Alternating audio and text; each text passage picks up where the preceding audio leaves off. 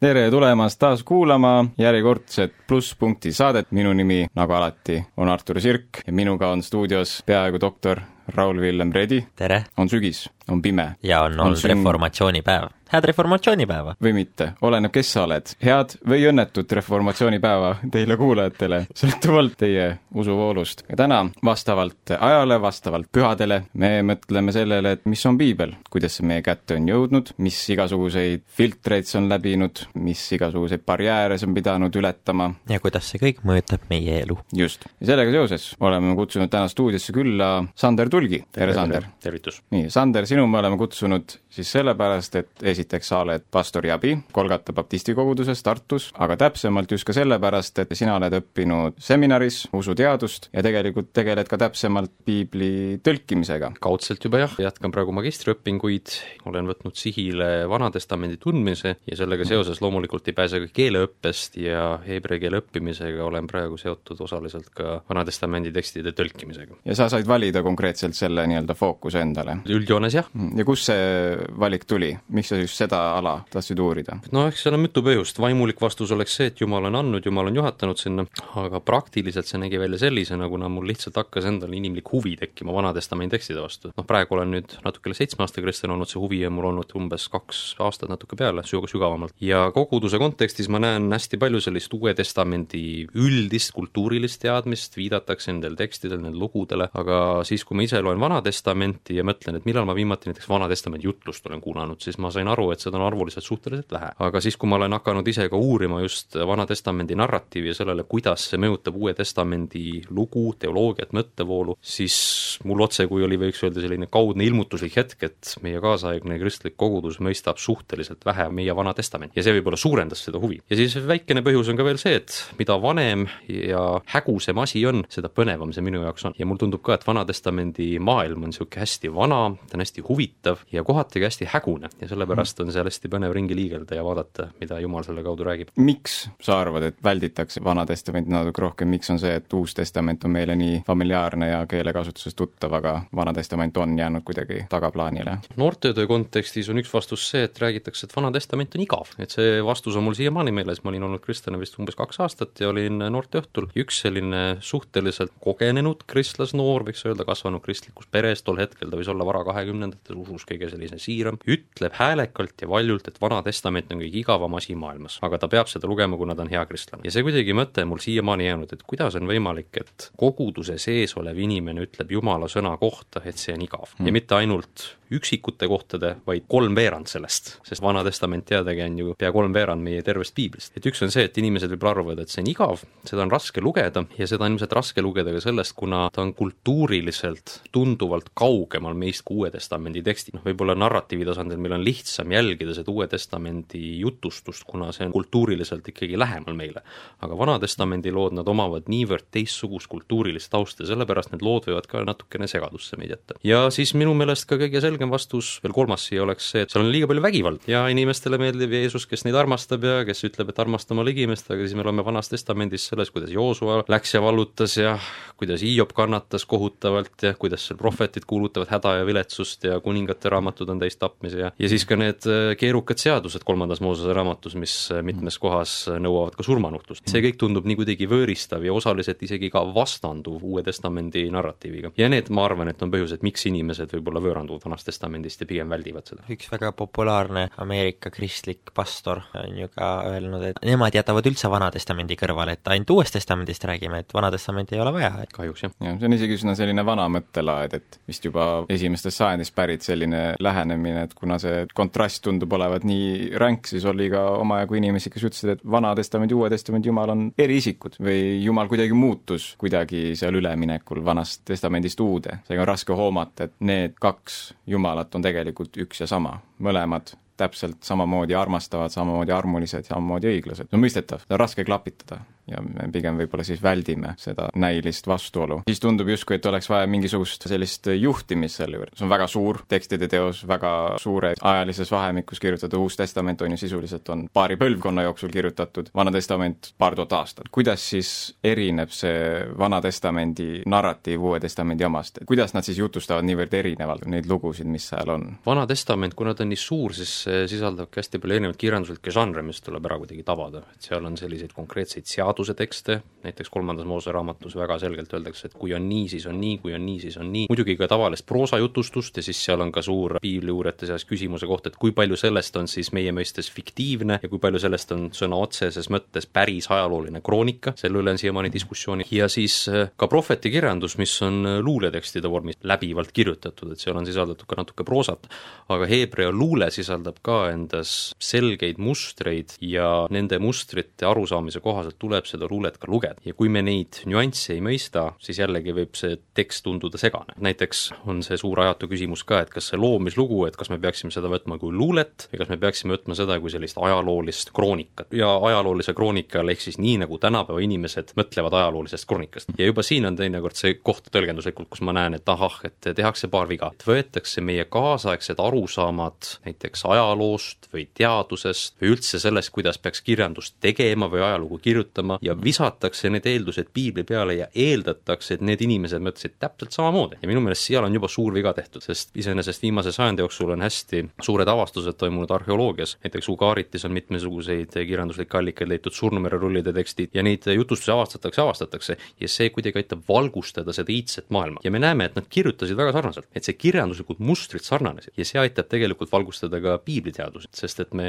teinekord leiame seal väga suuri kattuvusi mingisuguste psalmide ja mingisuguste võõraste paganipsalmide vahel. siis on küsimus, mida see nüüd tähendab, kas siis piibel tegi plagiaati või siis me saame tunnistada, et nad elasid mingisuguses ühtses kultuuriruumis, kuidas inimesed mõtlesid ja kirjutasid ja nad kasutasid neid samu kategooriaid. ja siis tulebki küsida, et mis need kategooriad olid, mis hetkel, mis vormis need avalduvad tekstis ja mida me siis selle põhjal tegema peame. kui meil ongi nii palju erinevaid faktoreid, millega arvestada, kas või Vana Testamenti lugedes, siis no kristlaste seas on väga julgustatud, noh, võta piibel ise kätte, loe teda, uuri teda, mõtiskle selle üle, võrdle erinevaid värsse ja nii edasi. ütleme, et ma olengi noor kristlane, kes tahab hakata Vana Testamenti lugema, kust kohast ma siis üldse pihta hakkan? see on tuntud küsimus ja palju on küsitud seda. kõige lihtsam vastus oleks öelda algusest, tuleb lihtsalt kõigepealt teadvustada, mis struktuur piiblis on. piibel ei ole selles mõistes üks raamat algusest lõpuni, ta on raamatute kogu ja seepärast minu soovitus inimestele, kes lugeda soovivad, on võtta üks raamat ja keskendu sellele, loe seda järjest, loe suurte plokkidega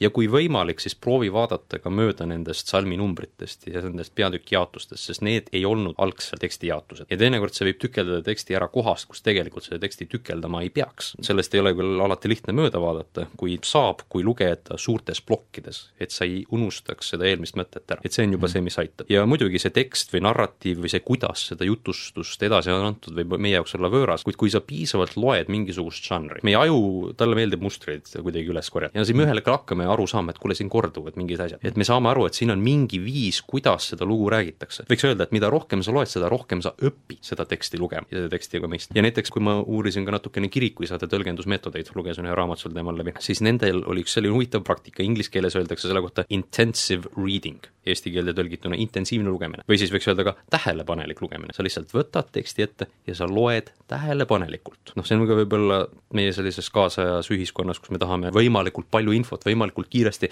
me ahmime kõike endasse alati, et me lihtsalt ei võta teksti rahulikult ette ei keskendu sellele, aga näiteks kirikused tegid seda, lugesid rahulikult ja sellepärast nad saidki luua hästi palju seoseid. no muidugi tõlgenduslikult on küsitav, et kas mingid seosed on õigustatud, aga vähemalt nad tegid seda. ja kui sa loed rahulikult piiblit, mida rohkem sa tunned piiblit, siis sa hakkad nägema, kuidas piibel endas siseselt ka viitab erinevatele raamatutele. kuningate raamatu kuningad äkki ilmuvad prohvetite tekstides, prohveti tekstides nimetatud prohvetid ilmuvad kuningate raamatus, mingisugused lood ja mustrid korduvad ja see aitab mm -hmm. seda pilti aina rohkem ja rohkem kokku panna. see on see kõige miinimum, mida inimene teha saab, ilma et ta omaks näiteks kas teoloogilist haridust või mõistaks seda algkeelt või loeks seal muid tõlgenduslikke õpikuid kõrvale, see on see, kust ta saab pihta hakata, hakkab üks raamat haaval lugema ja lihtsalt keskendub sellele ja loeb hoolikalt ja tähelepanelikult. reformatsiooniga tuli suuresti kaasa see, et piiblid tulid teistesse keeltesse kui ladina keel, piibel muutus üldiselt lihtsalt väga palju kättesaadavamaks tavainimesele.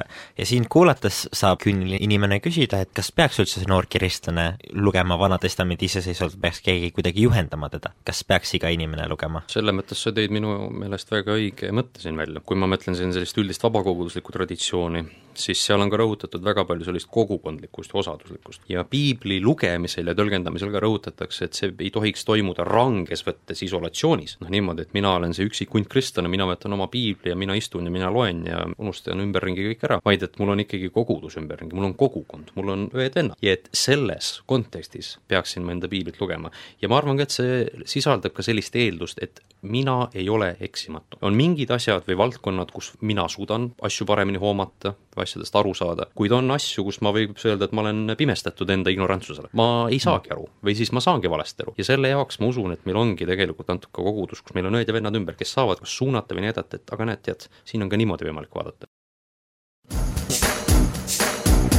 plusspunkt kuidas ma tean, kes on õige ja nüüd siin näide elust enesest, kus üks teatud inimene mulle lähedal täitsa hullus ära sellest, keda ma usun, et mul on ühelt poolt katoliku kirikul on pärimus, et nii on tõlgendatud, siis ütleme, kalvinistidel on teatud konfessioonid, luterlastel on teatud konfessioonid ja, ja katekismused ja siis meil on teatud usuvoolud, kultuursed mõjutused ja üldiselt sõltub, kuhu subkultuuri sa nüüd satud, et siis sa oled nendest tuultest mõjutatud. ideaalis me tahaksime mõista piiblit õigesti, aga kuidas ma tean, et need inimesed, keda ma kuulan, see kogukond, kus ma olen, et see on nüüd õigesti mõistmine, sest see konkreetne näide läks täitsa hulluks, et keda ma usaldama pean, kes ja, on mu autoriteet. ma saan sellest küsimusest aru ja mina ütlen esmalt, ma leian, et siin lihtsalt vastust ei olegi, aga ma arvan, et kõik algab esmalt sellest soovist, et ma soovin mõista pühakirja õigesti. et ma lihtsalt ei võta teiste seletusi või teiste arvamusi puhta kullana või et nemad teavad, nemad on autoriteedid, vaid mul on endal see sügav soov, ma lihtsalt tahan tunda. noh, see on nüüd minu enda arvamus, aga ma usun ka seda, et inimeste seisukohti me peaksime olema võimelised kuidagi ka järgi kontrollima. no see on tore, kui keegi midagi väidab, kui ta midagi arvab, noh see on võib-olla ka minu selline akadeemiline taust, mis juba hakkab rääkima,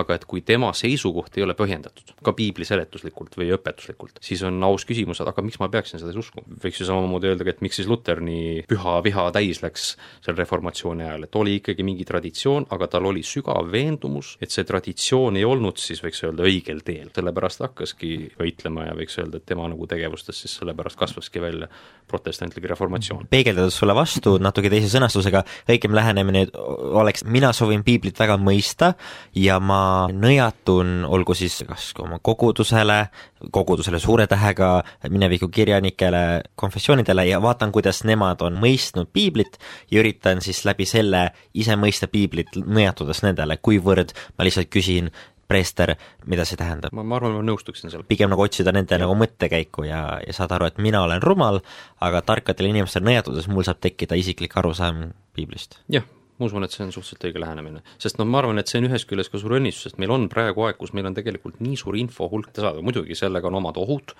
sellega võib inimene täiesti infoküllusesse ära uppuda ja ühest küljest on ju väga lihtne, kui on siin keegi, siis et ütle mulle väga selgelt ära, et kuule, et nii on ja punkt, et ära vaidle. aga mis teha, me elame sellises avatud maailmas, infot on nii palju ja me peame vähemalt kaasajal ikkagi oskama seda infot kuidagi filtreerida. aga need inimesed, kes annavad meile nõu, kuidas olla kindel, et nende tõlgendus on õige. Või ehk siis teisisõnu, hermeneutika on, on ju piibli tõlgendamise teadus, mis on õiged hermeneuutilised printsiibid, kuidas ma tean, et see inimene, kellelt ma nõu saan, kelle mõttekäiku ma jälgin, et ta on õigel rajal, et ma üldse peaksin tema tõlgendust usaldama? ja üks on see, et tema tõlgendus peaks olema ka põhimõtteliselt järgi kontrollitud. ma võin ju piiblit tõlgendada ka niimoodi, et võtan ükskõik mis teksti lahti, ütlen, loen selle ette ja ütlen, et see tähendab seda ja annan ilusa vaimuliku seletuse. kuid kui see seletus ei tugine mitte millelgi, sellel puudub igasugune eelnev, võiks öelda, kas traditsiooniline taust, üritsev keskkond ei ole seda ennem kuulnud, ekskursina võiks öelda, et kui sa loed piiblit ja mitte kunagi pole mitte keegi midagi sellist välja lugenud, mida sina nüüd esimest korda elus loed, siis tasuks hoolega järgi küsida, et äkki sa oled ise valesti aru saanud, et mitte mm -hmm. sa oled nüüd õiges leias.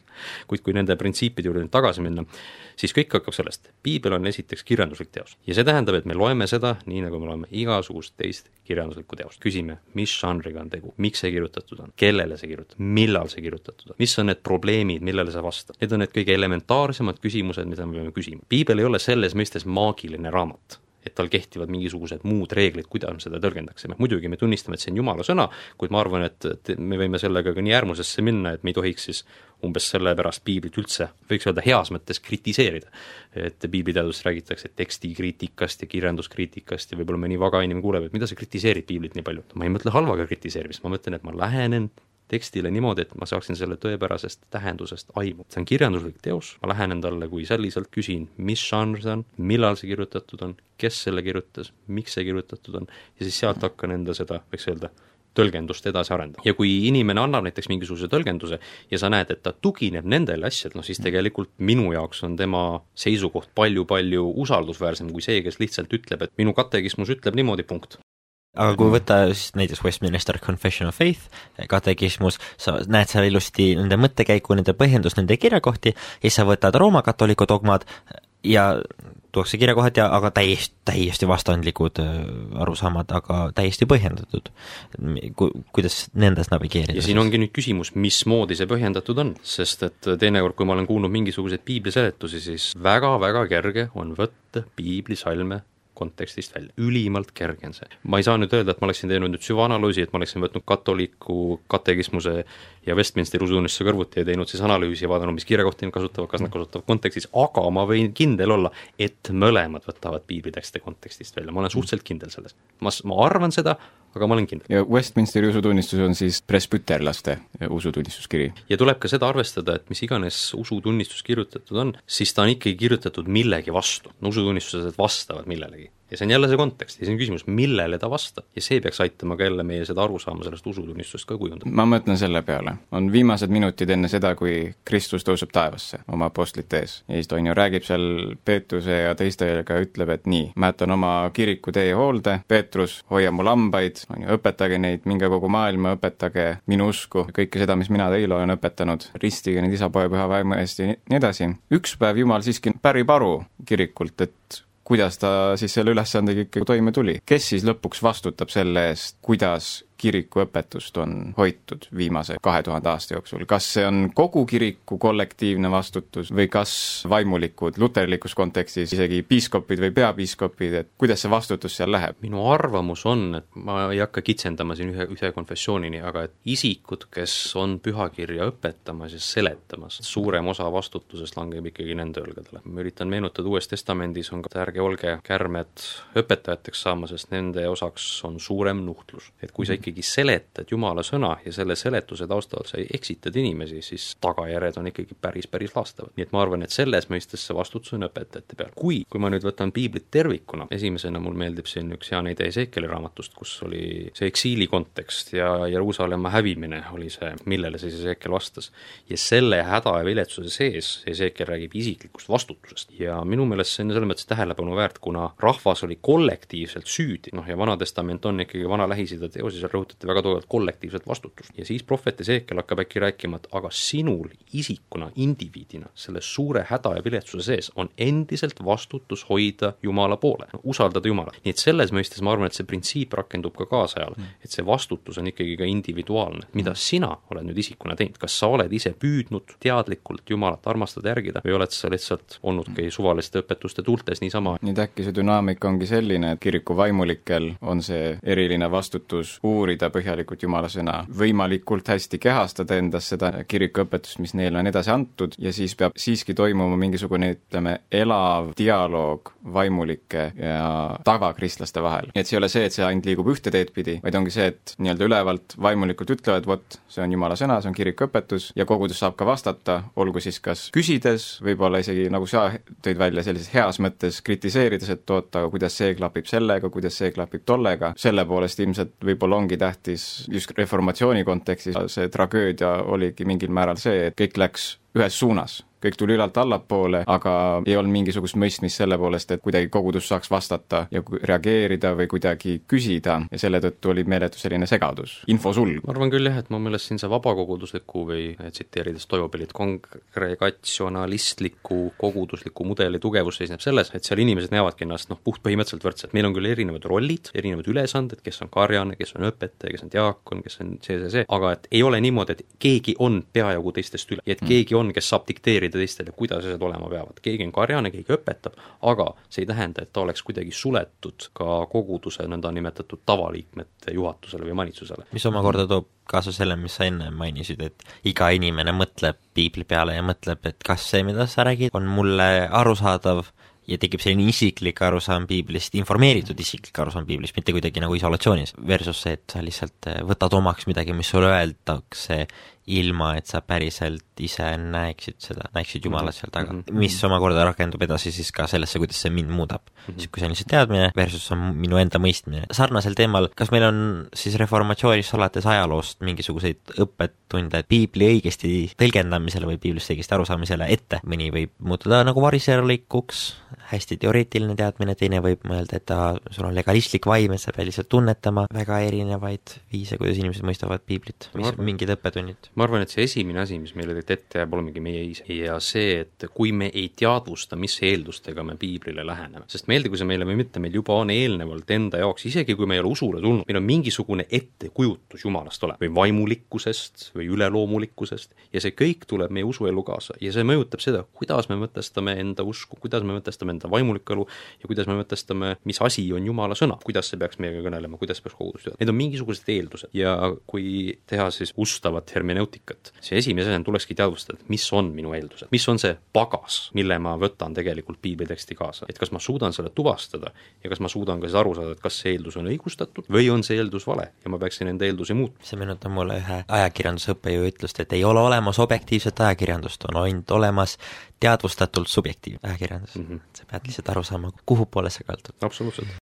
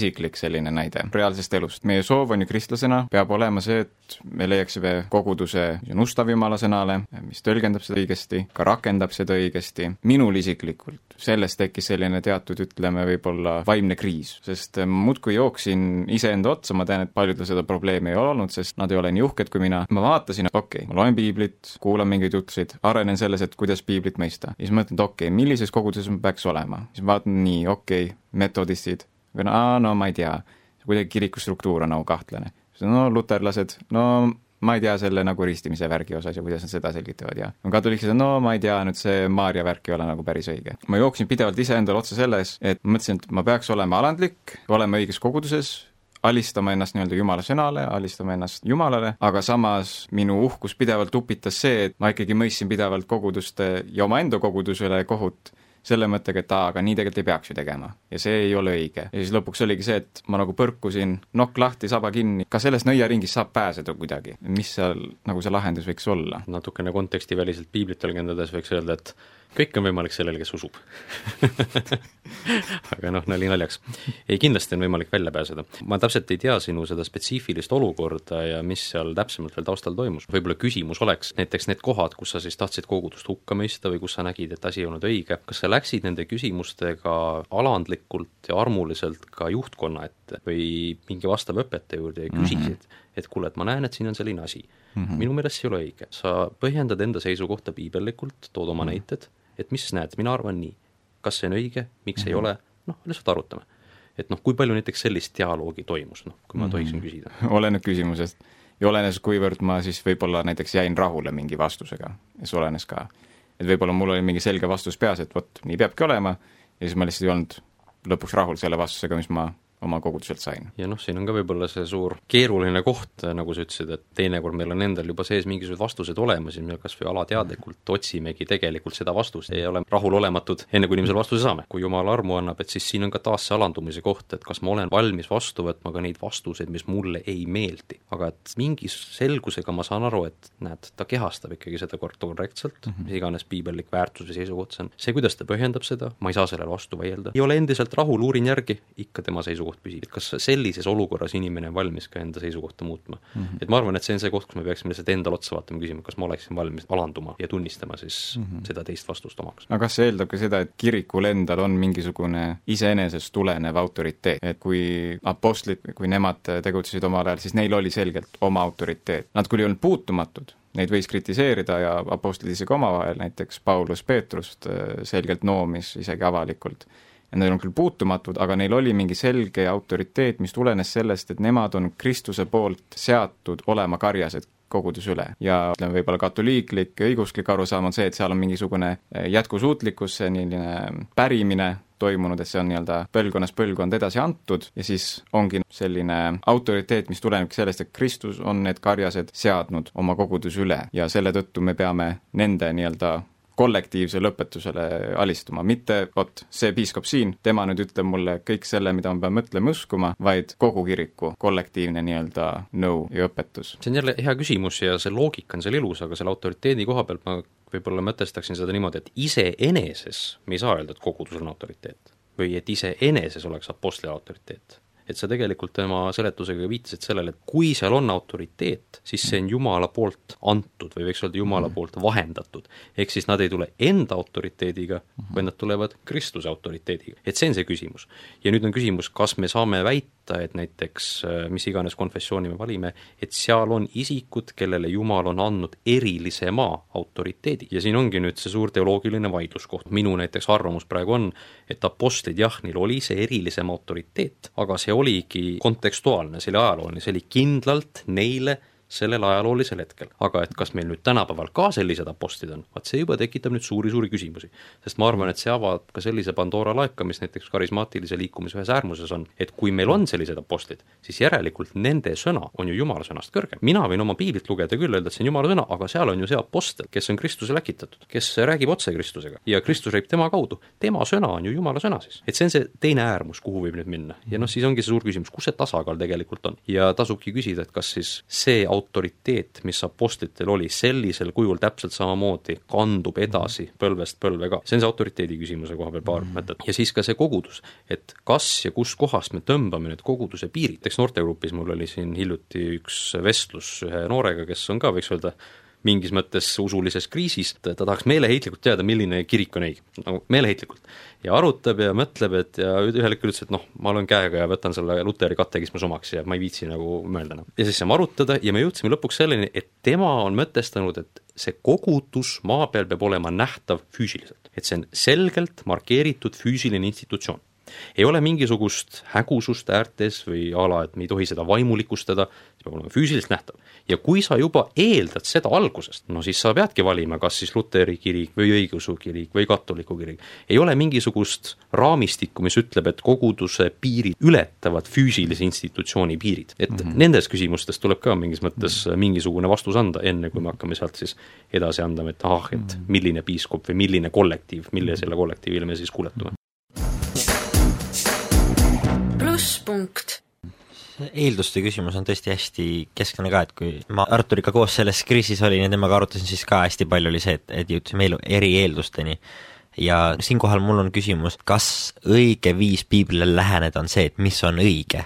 Mõeldes Eesti kirjandusloolane Andres Vaargamäelt, seal oligi see suur probleem, et tema tahtis, et tal oleks õigus, teda nii väga ei huvitanud see armulisus või selline koostöö ja, ja oma lähedased ja selline asi.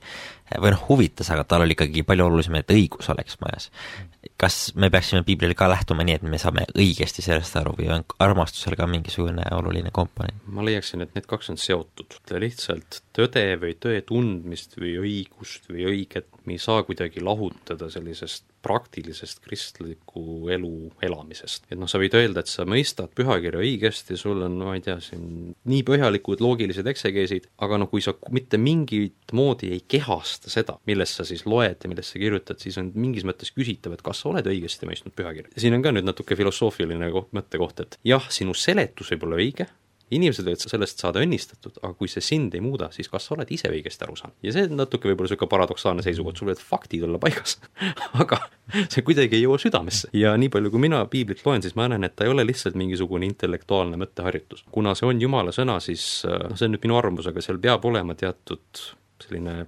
aupaklikkus selle ees, et see ei ole lihtsalt teos, mis on teistest targem, vaid see on midagi, mis kõneleb ikkagi terviklikult meie ellu, sellesse maailma, sellest, kes me oleme, miks me siin oleme ja kuidas me elama peaksime. mõnelt õigeusklikult ma olen isegi kuulnud, nemad mõtlevad hästi erinevalt, on ju, lääne kristlastest. ja nemad on näiteks kirjeldanud seda, et kus nende mõtlemine erineb meie omast, on see, et kui meie võib-olla läheneme piiblile selliselt, et igaüks piisava haridusega võib piiblit õigesti mõista, siis nende lähenemine on rohkem see, et pühadus on ennekõike see, mis võimaldab meil piiblit mõista. et kui me kogu oma loomusega ei kehasta seda, ei lase sellel vormida ennast tervikuna, mitte ainult mõistust, on ju, vaid ka südant ja soove ja kõike seda, siis me ei mõistagi seda. ja no eri rõhuasetused, mõlemad on ju tähtsad. kuigi see jälle tekitab küsimuse, kuidas sa saad pühadusse jõuda, kui sa enne ei saa pühakirja, et mis sind pühamaks siis teeb noh, siis on jällegi, mida pühaduse all mõeldakse, et kui ma ise uurisin ka natukene õiguse teoloogiat siin kooli seoses, siis neil on väga hea selline ütlus, et äh, tõeline teoloog palvetab ja tõeline teoloog palvetab tõeliselt. midagi selliselt vist sarnaselt, no igatahes mm. mõte on selles, et kui sa palvetad, siis sa tegeled teoloogiaga. et teoloogia ei ole lihtsalt see, et ma loen ja ma kirjutan eksegeesi ja tõlgin piiblit, see on muidugi osa sellest, aga et tõeline teoloogia algab vaimuliku elu praktiseerimisest. et see on see, mis on nagu õigeusu mõtlemises üks keskne selline rõhuasetus, noh ka nad rõhutavad sellist apofaatilist uh, usukogemust, see mingis mõttes tähendab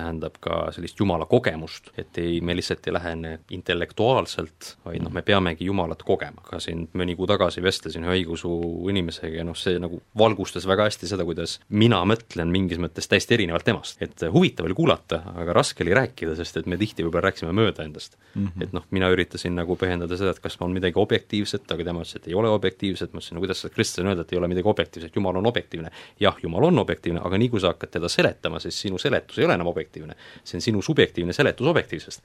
ja noh, see juba on niisugune kõva filosoofiline mõtteharjutus. aga noh, see huvitav vestlus sellise õigeusu eh, preestriga. ka huvitav paradigma, et kas me saame üldse seda õiget defineerida, kas Kristus on piiritletud institutsioon, nagu sa ütlesid? ja noh, siis mõelda. on ka see, kui eelduste juurde veel tagasi minna, et noh, me ikkagi elame läänemaailmas, meil on selline lääne kultuuripärand, selline lääne skolastika on meie teoloogiat ja kõike mõjutanud, ja noh, kui sa vaatad sellist õiguse teoloogilist arengut, noh, see on hästi huvitav nagu ajalooliselt ka seda kuidagi mõtestada, et ongi nagu kaks täiesti erinevat teoloogilist voolu, mis on kuidagi paralleelselt kasvanud ja nad ei ole nagu väga kokku seotud omavahel. ja õigeusu mõtlemine on mõjutatud ikka idamaisest mõtlemisest, mis ei mõtle üldsegi nii lineaarselt või nii intellektuaalselt. Ja noh, siis on aga küsimus, mis, mis me siis sellega teeme, kas me peame valima ühe kategooria, kuidas läheneda, noh, katoliiklus on väga skolastiline, õigeusk on väga selline kogemustekeskne, protestantlus on ka kasvanud välja sealt sellisest äh, katoliiklikust skolastikast, minu arvamus on see, et piibel suudab kuidagi kõneleda kõikidesse nendesse süsteemidesse, kõikidesse nendesse kategooriatesse. aga siis võtamegi konkreetselt ette, et kuidas piibel kõneleb minu ellu nii, et see muudab mind, et see ei jää vaid mõtteharjutuseks? väga raske vastata sellele ühest küljest väga lihtne, aga ühest küljest väga raske. hakka lihtsalt lugema, mina isiklikult ei oska muud öelda. ja ülejäänud ma leian, et taandubki meie enda isiklikele soovidele. kas ma soovin päriselt ka Jeesusega seal tekstis kohtuda, kas ma soovin päriselt ka, et Jumal muudaks mind läbi selle, noh, mis on minu ootused, mis on need eeldused, millega ma lähenen. aga et noh, kui ma tahan, et Jumala sõna mind muudaks, ma ikkagi pean hakkama pihta sellest, et ma loen sealt. ma ei saa lihtsalt minna metsa ja oodata, et Jumal mind muudaks, ilma et ma tema sõna loeks. aga me näeme siin sellist generatsioonilist vahet ka, kus meie vanemad, meie siis, me oleme kahekümneaastased Arturiga umbes, ma mõtlen, see oli viiskümmend pluss miinus miinus kümme aastat rubriik. seal nagu on väga head piibliteadmised, aga võib-olla pole nii palju praktilise elu sellist vilumust kristluse osas, aga meie generatsiooni kohta on öeldud hästi palju sellist praktilist aru, know-how'd, et a la kuidas hästi teha suhteid ja, ja kuidas armastada inimesi, aga mitte võib-olla nii palju piibliteadmisi. ja siis on ka kui me vaatame seminare meil Eestis, et on mingid seminarid, mis ütlevad, et kuule, mis sa siin teoloogiaga tegeled, et pigem nagu teha, teeme noortetööprojekte, on ju, ja siis teine, kes ütleb, et oota, me peame ära defineerima teoloogiliselt, meil on siin Eestis ka selge pingeväli. ma arvan, et see teoloogiline tunnetus, ta annabki ikkagi piirid meie sellisele tegemistele ja elule ma tean, kus on need piirid, mille sees ma orienteerun. sest noh, mingis mõttes see praktiline know-how noore seas võib olla tore küll, aga ühel hetkel sa võid ikkagi küsida, et okei okay,, kus need piirid on, kui kaugele ma siis tohin minna. ja noh, mitte nüüd nii, et kristlase elu ongi see, et ma kompan neid piire ja hakkan seal piiri ääres elama, kuskil ma pean ikkagi teadma, et noh, kas ma olen siis, võiks öelda, õigel teel või mitte. kui ma ikkagi tunnen Jumala sõna, siis ma vähemalt tean seda maastikku, mille sees ma orienteerun. aga et puudutada ka lõppu ka piibli tõlkimise teemat, siis kui palju piiblitõlkeid on piisav? meil on eestlastena, me oleme väike rahvas, väikese kristlaskonnaga, meil on viimase neljasaja aasta jooksul, kui mitu täispiiblit on olnud, mingi noh, neli äkki või kokku? kolm või neli, jah. kolm või neli on ju. samas ütleme, inglise keelt kõnelevate inimeste seas on umbes seitseteist piiblitõlget aastas, mis nad saavad ja aina tuleb juurde. kas meil on piisavalt piiblitõlkeid ja me juba teame, on ju, et juba toimub ka uue piibli tõlke nii-öelda tootmine, milleks siis seda uut teha, mis tekitab selle nõudluse? nõudlus, võiks öelda, tekib sellest, et kui vanast piiblitõlgest ei saada enam nii hästi aru, keel ikkagi muutub ajas, mingid sõnad nende tähendus muutub, meeldigu see meile või mitte. ja võiks öelda, et see selles mõttes tingib selle vajaduse. ma nüüd ei mäleta, kust ma seda fakti kuulsin, aga mingisugune seisukoht vist oli, et kas kuskil kolme või neljakümne aasta vältel keel muutub nii palju, et, noh, võiks öelda, et siis juba oleks nagu selliselt uut piiblitõlget vaja. ja kui me vaatame praegust seda aastanumbrit, et oli kuuekümne seitsmenda aasta oma, siis oligi vist pea nelikümmend aastat, kolmkümmend aastat, üheksakümmend seitse tuli uus tõlge hmm.. ja nüüd on ju sellest möödas natuke üle kahekümne aasta ja kui me nüüd praegu räägime siin piibli tõlkimisest, see on ikkagi järgmise kümne aasta teema, et siis jälle oleks umbes kolmkümmend aastat. ja noh, kui palju sul noor ikka tänapäeval oskab sõna kirkus defineerida, on ju? üheksakümne seitsmenda aasta piiblis väga popp sõna. et keel ikkagi muutub ja see mingis mõttes tingib selle vajaduse. ja mm. siin ei saa nüüd öelda, et kui palju on vaja, mina ütleks, et vajadus on selline, et peaasi, et see keel oleks arusaadav, et inimesed mm. saaksid jumala sõnast aru. kui on tõlge, mis on selline, siis hästi. milline peaks olema see dünaamika, et kui ma mõtlen, et meedias näiteks on toodud tähelepanu sellele, et keelestandardeid aina rohkem langetatakse. selle uue ÖSS-i ja õigekeelse sõnaraamatu ja kõige tootmises on toodud välja muresid keeleteadlaste poolt, et seal kuidagi tehakse väga palju möönduseid, lubatakse väga palju mingeid, ma ei tea, slänge ja vahet pole, kas sa ütled järele või järgi. kuivõrd peaks siis kirik järele andma sellele, kuidas keel areneb ja kuivõrd peaks ta hoidma mingit standardit, et vot, me nüüd õpetame teile mingeid sõnu hmm,. kirkus, kirkus on sõna, mida me siis peame alles hoidma, vahet pole, et see tavakeelekasutusest on täiesti haihtunud, aga see on sõna, mis on väljendanud väga hästi mingisugust kontseptsiooni või mõistet piiblis, et ei, see jääb, nii me ka selgitame Hmm, kas järele andma või järgi andma? ma arvan, et see mõte ei ole nii väga nüüd selles, et ahah, et meil on sõna kirkus, mida keegi ei mõista, me peame leidma sinna mingisuguse sünonüümi, mis on kas lahjem või popkultuurile kuidagi vastu võtta, ma arvan mm, -hmm. mõte ei ole selles. asi ongi selles, et kas need sõnad üldse on hoomatavad kirjanduslikult ja lingvistiliselt, kas see on üldse osa mingiski vormis meie igapäevakeeleruumist. ja ma arvan, et kui seal on sõnu, mis nagu üldse ei puutu seda või mis ongi oma tähenduses muutunud ja see sõna kirkus, võiks öelda, et spekuleerime, et ta tähendas ühel ajal üht, läheb aeg mööda, ta tähendab midagi muud aga nüüd see vana kirkuse tähendus, seda väljendab mingisugune teistsugune sõna, siis ma arvan, et peaks just selliselt lähenema. ja ma arvan, et selle mõttega sa tegelikult põhjendasid ka, et miks on ikkagi vajalik see, et me regulaarselt pöördume tagasi algsete tekstivariantide juurde, et sellest me ei pääse. et mis iganes tõlge meil on, me peame ikkagi alati olema valmis minema sellesse algsesse keelde. Uue Testamendi puhul kreeka keel, Vana Testamendi puhul heebrea ja araamia keel. nüüd olukord on selline, mina olen noor kristlane või vana kristlane ja ma kuulen, et oi, piibel on oluline, piibel on oluline isiklikult mõista, aga üldse ei, ei keri piibel, nagu sa mainisid, keegi oli öelnud, piibel on igav mulle, kuidas ma tekitan endas armastust piibli vastu? üks sõna, distsipliin. see on, ma arvan, meie kaasaegne mingisugune veider arvamus, et kõik peab olema lihtne, kõik peab kogu aeg olema põnev kõik peab olema alati kaasahaarav, et ei ole vaja fokusseerida või keskenduda või distsiplineerida. et jumala sõna lugemisel on ka teinekord vaja lihtsalt distsipliini. ja ma ikkagi usun, et süües kasvab isu. ja mida rohkem sa loed, mida rohkem sa hakkad mõistma, muidugi alguses see võib tunduda nii suur tükk, aga vähemalt ma olen ise nüüd päris mitu korda piibli läbi lugenud ja iga kord see pilt läheb aina selgemaks ja selgemaks ja see tekitab seda indu lugeda ja uurida veelgi ehk siis, kui juba hakkab tekkima mingisugune üldine pilt sellest, mis asi on piibel, mis on see suur lugu, kes on need apostlid ja kes on need prohvetid Vanas Testamendis, mida nad kuulutasid, millal nad kuulutasid, kui see üldine narratiiv hakkab kuidagi kokku lappima sul ennast ja sa loed ja lo-, ja loed, siis ma usun, et see tekitab seda huvi veel. Sest ma arvan, et see igavus tuleb ka sellest, et lihtsalt ei saada aru. ehk siis oi, üldse ei taha lugeda, ole kuss, sa ei peagi tahtma, loe lihtsalt, küll siis hakkad tahtma. mingi hetk küll, jah. mingi hetk küll, okei aga kui, kuhu Eesti kontekstis ma võiks pöörduda, kui ma ei saa piiblist aru, mis on sellised head kohad? noh, siin on võimalused, kas anda nüüd raamatusoovitusi, kas anda koolisoovitusi või anda isegi koguduse soovitusi.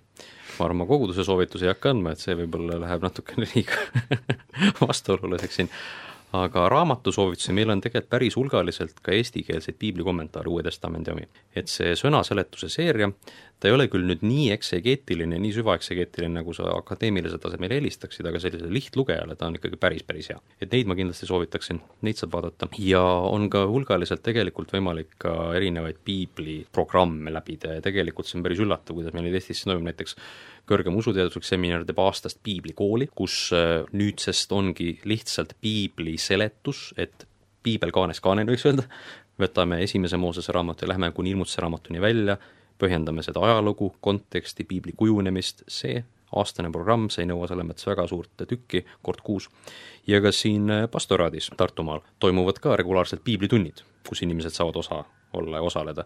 ja mis iganes koguduses sa oled, siis üldjuhul ka kogudused ise korraldavad piiblitunde, kus võiks ju ka ikkagi osaleda. ja selles mõttes neid võimalusi on palju, nii et vaata, mis võimalused sinu enda vahetus läheduses on ja selle põhjal saad oma valiku teha. see on väga ilus mõte, kui ma küsin näiteks sellelt inimeselt, kes mind leeritas, kui ma olen luterlane või, või siis lihtsalt kultuurne kristlane, ta ei tea vastust, kuhu ma pöördun edasi, lihtsalt mõne teise koguduse juurde või kellegi poole, kes on äh, pastoraadi või kursi piiblikooli läbinud või? ma arvan, et jah, võib, need kooli andmed on igal pool avalikud, koguduste andmed on igal pool avalikud, Muste veebilehtedel on meilid olemas, et vaata enda kogukonnas ringi, mis kogudused sul seal on, kontaktid on internetis saadaval, võta lihtsalt kätte, kirjuta kiri pastorile või kellelegi ja vaata, mis ta ütleb. sellega tõmbame me ka täna otsad kokku. aitäh sulle, Sander!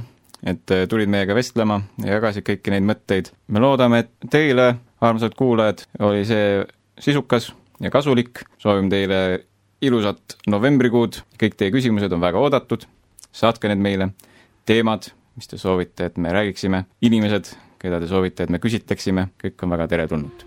meie omalt poolt soovime kõike head. ja head piibli lugemist. aamen